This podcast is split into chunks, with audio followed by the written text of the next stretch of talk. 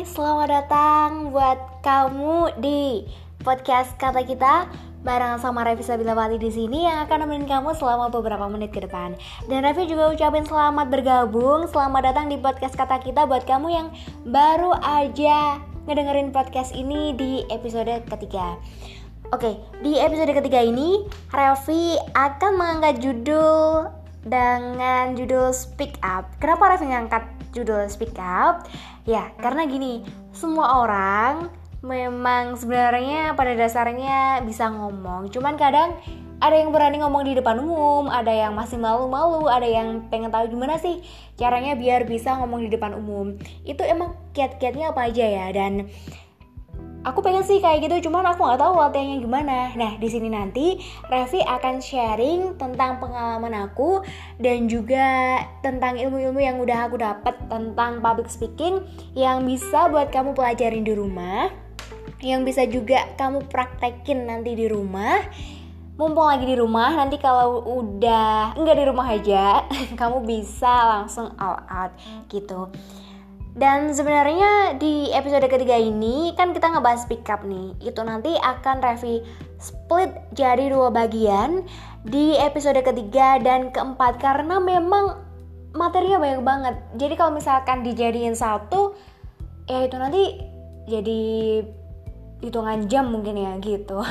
jadi ini aku split jadi dua biar enggak bosen gitulah. Oke, kita yang pertama ini di episode ketiga akan membahas tentang materi dan juga latihan. Kalau tentang materi, ini ada banyak banget. Ada humor, ada juga untuk menambah kosakata itu caranya gimana, agar bisa ngomong terus itu apa yang harus dilakuin. Kemudian membawa materi itu memang harus all out ya gitu sama tentang script. Oke, yang pertama kita akan ngebahas tentang humor nih.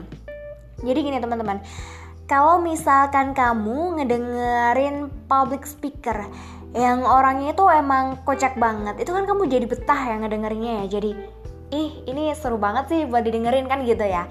Nah sebenarnya humor itu bisa dilatih kok. Jadi kalau kamu tahu stand up komedi gitu ya itu enggak dari lahir langsung dia lucu gitu enggak semua kayak gitu. Jadi mereka memang ada beberapa yang memang bawaan dari lahir kayak gitu ada yang mereka dilatih. Terus cara latihannya gimana Ref? Jadi gini kalau misalkan kamu pengen ngelatih humor kamu cara-cara yang mungkin bisa kamu lakuin adalah dengan banyak-banyakin referensi tentang humor. Jadi kalau kamu ini kan punya sosial media semua ya kamu bisa ngefollow akun-akun yang itu berkaitan dengan humor atau juga kamu bisa ngedengerin podcast-podcast humor. Kalau aku sih biasanya ngedengerin podcastnya ini nih, Gofar Hilman kan dia karena suaranya emang berat ya, bagus banget, enak buat didengar dan aku suka sih sama orangnya jadi dia tuh lucu gitu loh, gitu. Walaupun dia enggak ini di stand up comedy cuman ada mungkin kalau dia ngeceplos gitu dia lucu gitu. Dan kemudian kalau misalkan kamu ngedengerin sesuatu hal yang lucu, kamu bisa catat itu, kamu bisa ngegunain ATM atau amati, tiru dan modifikasi versi kamu sendiri. Selain itu ketika kamu ini ngedengerin sesuatu hal yang lucu, terus kamu catat suatu saat kamu bisa kok ngelakuin hal itu juga dengan enggak ngelihat catatan kamu dengan enggak mengingat-ingat kemarin aku habis nyatat apa ya nggak gitu Kemudian yang kedua kamu bisa dengan nge-capture momen yang pada saat itu berada di hadapan kamu. Jadi gini, setiap hal yang lucu kan kita nggak bisa ngebuat-buat ya. Jadi itu spontan, spontanitas itu keluar dari momen-momen atau dari kata-kata kan seperti itu. Jadi mungkin ketika kamu berada di depan panggung dan kamu ngelihat audiensi kamu ada yang lucu, kamu bisa tuh nge-capture momen kamu untuk jadikan bahan bahan humor untuk kamu bicarain sama partner kamu di ketika kamu MC, ketika kamu jadi moderator mungkin seperti itu. Karena memang humor ini memang harus dilatih dan Revi juga memang memang belum sampai ke sana tapi memang beberapa kiat-kiat ini Revi Revi ini lakuin gitu. Kemudian menjadi seorang public speaker memang harus up to date. Jadi ini berhubungan dengan informasi yang kita dapatkan karena gini intinya kalau kamu jadi public speaker kamu harus rajin-rajin membaca. Nah ini nanti nyabangnya banyak banget. Kenapa kok aku harus rajin-rajin membaca? Karena gini ketika kamu suka membaca dari kamu membaca buku atau di sosial media atau apa pun itu, itu secara tidak langsung akan nambah kosakata kamu. Jadi, ketika kamu menjadi public speaker, kamu nggak melulu ngomongin kata-kata itu terus itu nggak. Jadi kata-kata kamu bervariasi gitu. Terus aku bukan tipe orang yang suka membaca nih, Ref. Terus gimana ya? Jujur aja mungkin aku bukan tipe orang yang suka membaca juga tapi aku ini nih mengusahakannya. Karena kan memang kita memang butuh informasi itu ya. Kalau kita butuh kan kita mencari ya seperti itu. Jadi kiat-kiat aku karena aku gak suka membaca aku menyadari dulu aku tipe orang tuh belajarnya yang kayak gimana sih gitu. Kalau aku ini memang tipe orang yang belajarnya tuh visual. Jadi ketika aku nggak suka membaca, tapi kalau aku lihat di sosial media di mana bacaan itu ada gambar-gambarnya lucu, aku suka. Apalagi kalau itu memang singkat, padat dan, dan jelas. memang gitu sih. Jadi aku ini ngefollow akun-akun yang memang itu akun berita yang fakta gitu. Jadi selain kita bisa up to date dari informasi-informasi terbaru, itu juga bisa nambah kosakata kita biar kita bicaranya nggak dari kalimat-kalimat itu aja, nggak dengan kata-kata itu aja gitu. Dan ketika aku udah suka kan orang lebih suka membaca sosial media daripada buku. Nah, itu sebenarnya bisa jadi benefit buat kamu loh ketika kamu buka Instagram atau Twitter atau lain mungkin kamu bisa nge dengan ngefollow akun-akun yang memang itu akun berita gitu. Jadi ya ini nih apa ya usahain usahain maksimal gitu loh ketika kamu punya Instagram atau sosial media apa pun dan kamu nggak suka membaca ya udah ambil benefitnya di situ dan kan mungkin kalau memang tipe orang visual itu lebih suka dengan hal-hal yang warna-warni dengan hal-hal yang lucu ketika dia melihat gitu itu bisa nambah ini nih menutupi kekurangan kamu yang buat kamu yang gak suka membaca. Itu kalau kamu tipenya visual. Mungkin kamu punya cara belajar sendiri yang kamu memang tipe orang yang dari audio atau dari apa gitu. Bisa bisa kok dikolaborasi gitu juga bisa. Dan kemudian kita tadi udah bicarain tentang humor, tentang up to date ya menambah kosakata dan menjadi bahan untuk yang diperbincangkan atau untuk menambah informasi juga. Kemudian gimana sih Ref caranya biar bisa ngomong terus? Soalnya gini nih Ref, kalau aku misalkan udah di atas panggung, aku, aku tuh harus dipancing-pancing. Aku tuh nggak tahu nanti ngomong apa ketika berada di panggung. Itu sama kayak aku ketika pertama kali aku berada di atas panggung, aku nggak tahu aku harus ngomong apa dan untung aja partner aku mau mancing-mancing jadi aku bisa bicara. Mau ngomong apa? Jadi gini memang semua public speaker itu berawal dari zero to hero. Ya memang sih ya aku menyadari kalau aku belum pro banget itu juga belum. Tapi cuman ini aku ngelatih ngelatih dari apa yang dari pengalaman aku dari ilmu yang udah aku dapat seperti itu. Nah jadi cat-cat yang buat kamu bisa jadi latihan itu gini mungkin kamu ini juga bisa trial ya. Kamu bisa ngambil kertas dan juga bolpen atau alat tulis apa pun itu. Kamu bisa memilih satu kata. Terserah itu mungkin dari benda, sifat atau apa pun. Contoh misalkan aku mau ngambil kata roti. Dari kata roti itu nanti aku cabangin jadi beberapa. Misalkan dari kata roti aku bisa nyabangin lagi jadi enak kemudian aku nyabangin lagi jadi murah, kemudian aku nyabangin lagi jadi tepung. Dari ketiga cabangan itu nanti kamu bisa cabangin lagi, cabangin lagi dan cabangin lagi. Nah, ketika kamu udah sampai tahap akhir, maksudnya kamu udah banyak banget tuh nyabanginnya. Itu kamu bisa buat bahan bicara kamu dari mulai tepung sampai titik kamu berada di akhir tadi itu apa gitu. Jadi untuk menambah caranya biar ngobrol terus selain dari membaca kan karena dari membaca kamu dapat informasi yang itu jadi bahan bicaraan kamu ketika kamu ngobrol dengan partner kamu, kamu juga bisa dengan cara seperti itu tadi yang udah Revi jelasin gitu. Nah, Kemudian kita tadi udah bicarain tentang humor, tentang up to date, kemudian gimana caranya biar bisa ngobrol terus. Kemudian ini ada lips dan juga punchline.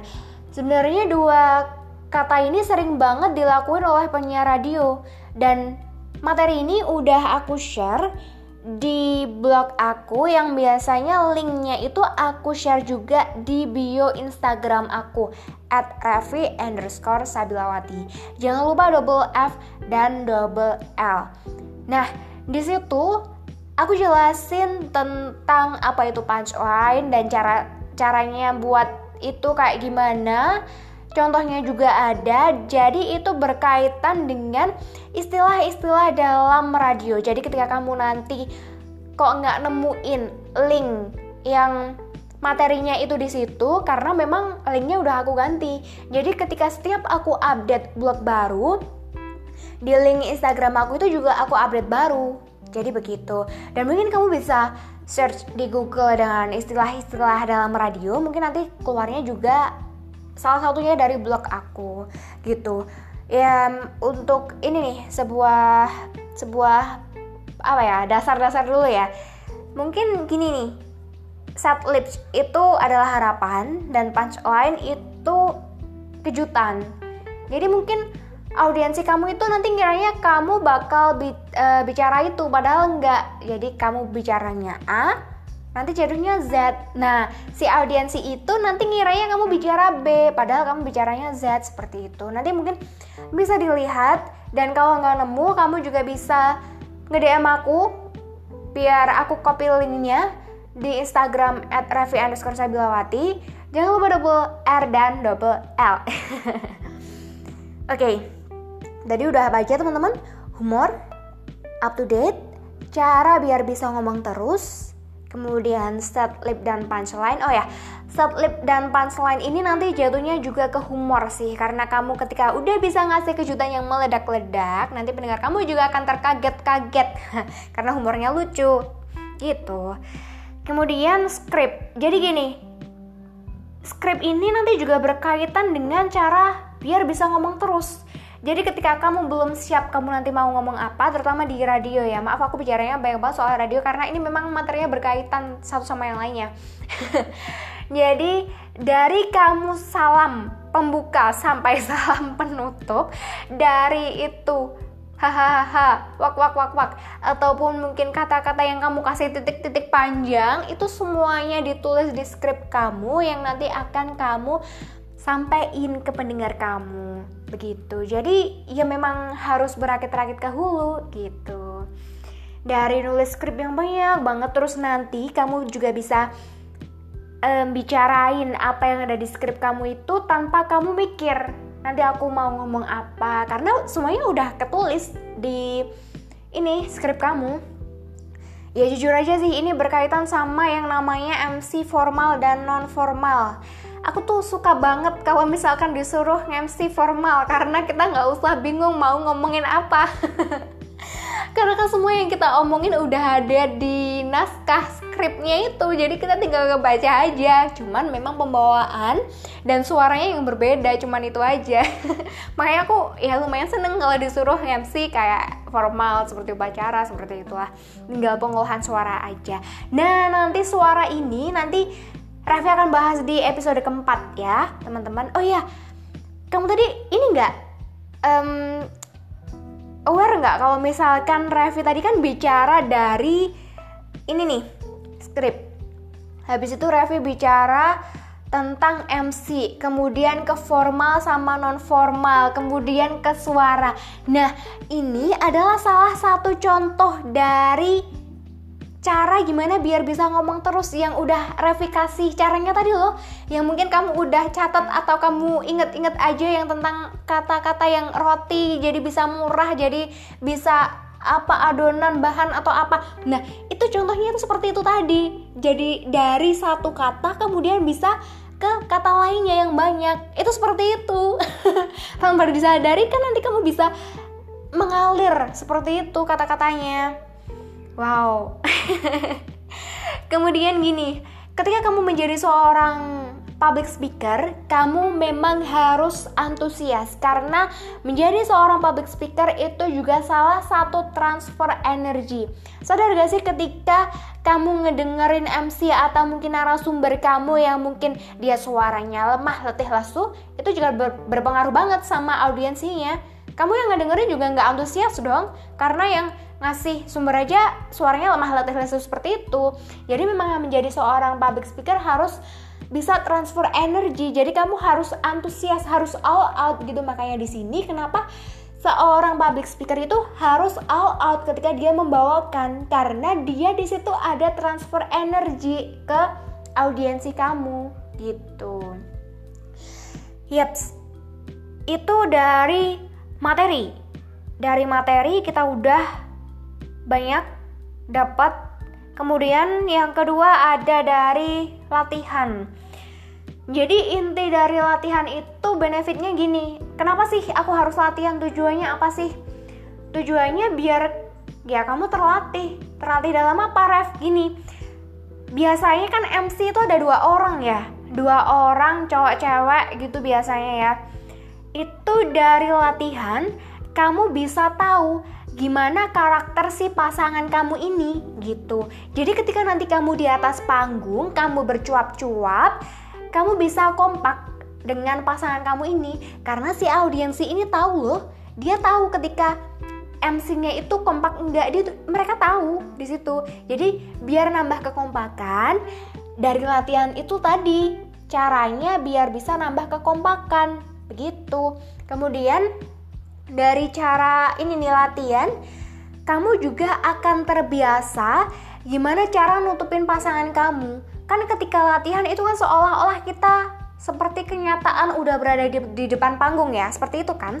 Nah ketika pasangan kamu ini tiba-tiba blank kamu kan nutupin nih secara otomatis nanti ketika kamu berada di atas panggung kamu udah nggak kaku kamu mau ngomong apa. Karena kamu udah terbiasa nutupin kelemahan pasangan kamu ini. Nah itu gunanya ada pasangan karena ketika kita juga blank pasangan kita langsung nyaut gitu loh.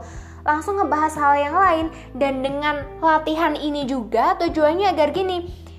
Ketika pasangan kamu bilang A kamu langsung bisa ngoneksi ke oh ya aku nanti mau bilang B ah aku nanti mau bilang C seperti itu nah ini nih apa bilang-bilang seperti ini tadi itu perlu kamu bicarain.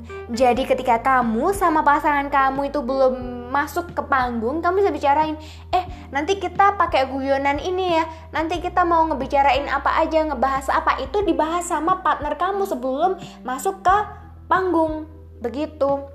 Jadi sebelum masuk ke panggung kamu itu bicarain apa aja, guyonan-guyonan nanti kamu sampai ketawa-ketawanya gimana. Eh, aku nanti gini ya, aku nanti gini. Itu semuanya udah ke setting di situ. Jadi perlu banget yang namanya latihan. Walaupun itu udah pro ya, pastilah sebelum dia naik ke atas panggung dia pasti ngebicarain itu kok sama pasangannya. Gak cuman kita aja yang masih timik-timik istilahnya seperti itu. Bahkan ya udah pro aja juga kayak gitu. Gitu. Oke, teman-teman, di episode ketiga ini kita ngebahas tentang materi sama latihan dulu dan nanti di episode keempat masih dengan tema yang sama cuman dari penjabaran yang berbeda. Dan dengan suara nanti Revi akan ngebahas suara. Apa aja sih dalam suara-suara itu?